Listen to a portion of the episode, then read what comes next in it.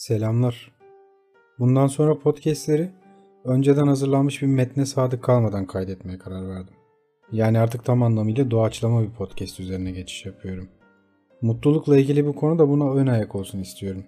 Tabi bundan sonra ağdasız bir Türkçe olacak ama kusur da kendi içinde bir güzellik yaratır diye düşünüyorum.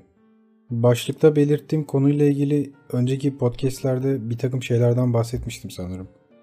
Mutluluk meselesini direkt olarak konunun merkezine yani hikayenin kalbine koymadım belki ama konunun biraz etrafından dolaştığım podcastlar kaydettim diye hatırlıyorum. Mutluluk meselesi aslında benim kafamın içinde yıllardır dönüp dolaşan bir konu. Mutlu bir erkek, mutlu bir kadın, mutlu bir aile gibi kavramlar bende hep merak uyandıran meseleler olmuştur. Bu merak ilkel bir dürtüden kaynaklanmıyor tabii. Ben daha çok örneğini verdiğim durumlarda kişilerin o mutluluğu nasıl keşfettiklerini ve nasıl sürdürebildiklerini merak ediyorum. Aslında bir fikirle başlayan bir iç tartışma durumu bu. Tıpkı Kierkegaard'ın evrenin merkeziyle ilgili ortaya koyduğu fikir gibi aslında. 18. yüzyılda ortaya çıkıp cesurca evrenin merkezi dünya değil gerizekalılar demesi gibi bir şeyden bahsetmiyorum belki ama basit bir adam olarak boktan ya da değil bir konuyu mesele haline getirmekten hatta belki onu kaşımaktan bahsediyorum. Mutluluk dediğimiz şeyin tanımı bana göre aslında bir paradoks. Mutluluğun rutinle, düzenle, dolayısıyla kimliğimizle ilgili tuhaf ve karmaşık bir yanı olduğuna inanıyorum. Yani şöyle, bir yanımız sabah erken vakit kalkıp işe gitmekten, işten çıkıp bir şeyler yapmaktan ve günün sonunda yine eve dönmekten şikayet eder.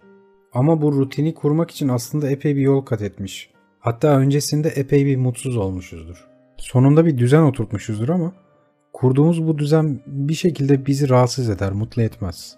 Ama bu düzeni bozmaktan da çekiniriz içten içe. Çünkü artık ona bağımlı olmuşuzdur. Diğer yanımızla bu düzeni bozmak isteriz. Düzenin dışına çıkmak zaten doğası itibariyle kışkırtıcı bir şeydir. Tıpkı benim şimdi yaptığım gibi aslında. Metnin dışına çıkacak cesareti göstermem için önce belirli bir düzende ilerlemem gerekiyordu. Bugün geldiğim noktada artık geride onlarca mesele hakkında podcastler kaydetmiş bir adam bırakıyorum. Mutluluğu bir paradoks olarak tanımlamamın bir diğer nedeni de kimlik meselesi aslında. Bana göre kişi ne kadar kendi olursa mutluluğa o derece yakındır. Ama yine kişi kendisini ne kadar tanırsa o derece mutsuz olur. Çünkü insan kendisini ne kadar tanırsa ondan o derece nefret eder ve uzaklaşmak ister. Dolayısıyla kendimize ne kadar yabancıysak ve kimliğimiz konusunda ne kadar cahilsek o doğrultuda mutlu olabiliriz. Ama mutluluğun kimliğimiz konusundaki bu tuhaf çıkmazı günün sonunda beni yine aynı noktaya getiriyor. Mutlu bir hayata sahip olmak için kişi kendisini keşfetmeli mi yoksa ona mümkün olduğunca yabancı mı kalmalı? Ben yıllarca ben aslında kimim diye sormaktan, sürekli kendime dayak atmaktan, bir gün belki gerçekten kendim olabilirim de mutlu olabilirim demekten yorulmuş bir adamım mesela.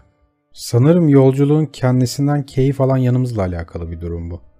Aradığımız şeyi aramaktan keyif alıyoruz yalnızca. Bulmak bir başarı değil bir hüsran durumu. Bu yüzden de mutluluk meselesini kimliğimizle ilgili bir kusur olarak görüyorum. Bazen bana bir evi anımsatan mutluluk düşüncesi kafamda tüm ışıkları yanan küçük bir dünya kurmamı sağlıyor. Kızartma kokulu mutfağında güzel yemekler yapan bir ev hanımını, salonda televizyon karşısında ders çalışan bir çocuğu, işten hala dönmeyen kocayı. Ama mutluluğu anımsatan bu düşünceler beraberinde mutsuzluğu da çağrıştırıyor bana. Kafamın içinde dolaşan hastalıklı düşüncelerle alakalı değil tabii ki bu durum. Tıpkı mutluluk gibi mutsuzluk da kendiliğinden gelişen bir şeydir aslında. Bakkala giderken gördüğümüz çirkin kaldırımlar, kapalı balkonlar, gece birde çivi çakan komşular, ne bileyim iş yerinde yaşadığımız tatsız bir durum, tıpkı anlık mutluluklar gibi bir anda mutsuz biri olmamızı sağlar. Aslında temel olarak olayın özüne inmek istediğimde mutlu bir hayat dediğimiz şeyin sınırlı bir tanımı yok ne yazık ki. Çünkü mutluluk duygusu doğamız tarafından tüketilen bir şey olduğu için tıpkı evren gibi içimizdeki açlık duygusu da onu sürekli tüketiyor. Tabi bu tanımı belirleyen kriterler sadece sosyal çevre, aile ve kimliğimizle de sınırlı değil. Yaşadığımız coğrafya, siyasal iklim, ekonomik koşullar gibi saçma sapan kriterler de devreye giriyor. Dolayısıyla sınırlı aklımız ve dünya görüşümüzle mutluluk diye kabul ettiğimiz şeyin tanımı bundan 10 bin kilometre ötedeki bir kadın için bambaşka şeyler ifade edebiliyor. Aslında bu kadar uzağa gitmeye bile gerek yok meselenin özünü kavramak için.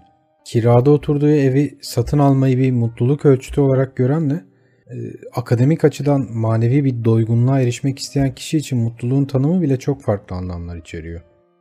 Esasen mutluluk dediğimiz bu his bir tutum sergilemekle ilgili. Yani bahsini ettiğim o yolda olma durumunu sürdürebilme kabiliyetiyle ilgili. Onu bulmaktan çok aramaya dair gösterdiğimiz sabır sanırım bizi dinç tutan şey. Bununla birlikte zehirli bir sarmaşık tarafı da var mutluluk anlayışımızın. Bir bakıma ona bağımlıyız da diyebiliriz.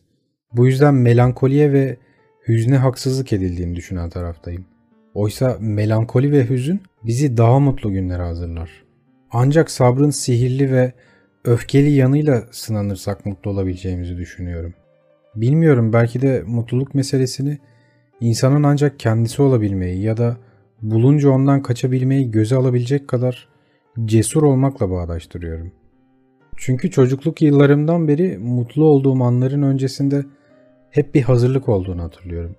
Yani bir kızı öpeceksem o kızı öpmenin mutluluğunu şaşırtıcı bir şey olarak görmüyordum. Buna zaten öncesinde hazırlanmış prova etmiş oluyordum. Dolayısıyla mutluluk dediğimiz duygu öncesinde hazırlık yaptığımız sentetik bir his haline dönüşüyor. Küçük şeylerden mutlu olmak denilen saçma kalıbın samimiyeti de buradan geliyor işte. Çünkü küçük şeylerle ilgili büyük hazırlıklara ihtiyaç duymazsınız. Öylesine verir onlar. Yolda yürürken gördüğünüz güzel bir manzarayı arkadaşınıza işaret edersiniz. Bulutların aldığı saçma şekilleri bir şeye benzetip sevgilinizi de buna ikna etmeye çalışırsınız. Bak işte hayatım şu da burnu dersiniz ama sevgiliniz anlamaz. Çünkü zaten o bir burun değildir. Siz öyle hayal edersiniz.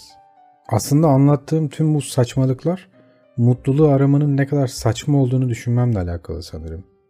Çünkü herkes gibi ben de mutluluğu aramanın onu bulmaktan daha kıymetli ya da en azından daha akıllıca ve erdemli olduğunu bilecek zekaya sahibim. Mutluluğa dair sizin bir tanımınız varsa bana yazabilirsiniz. Belki bundan sonraki podcastlerde sizin bakış açınızdan bahsederim.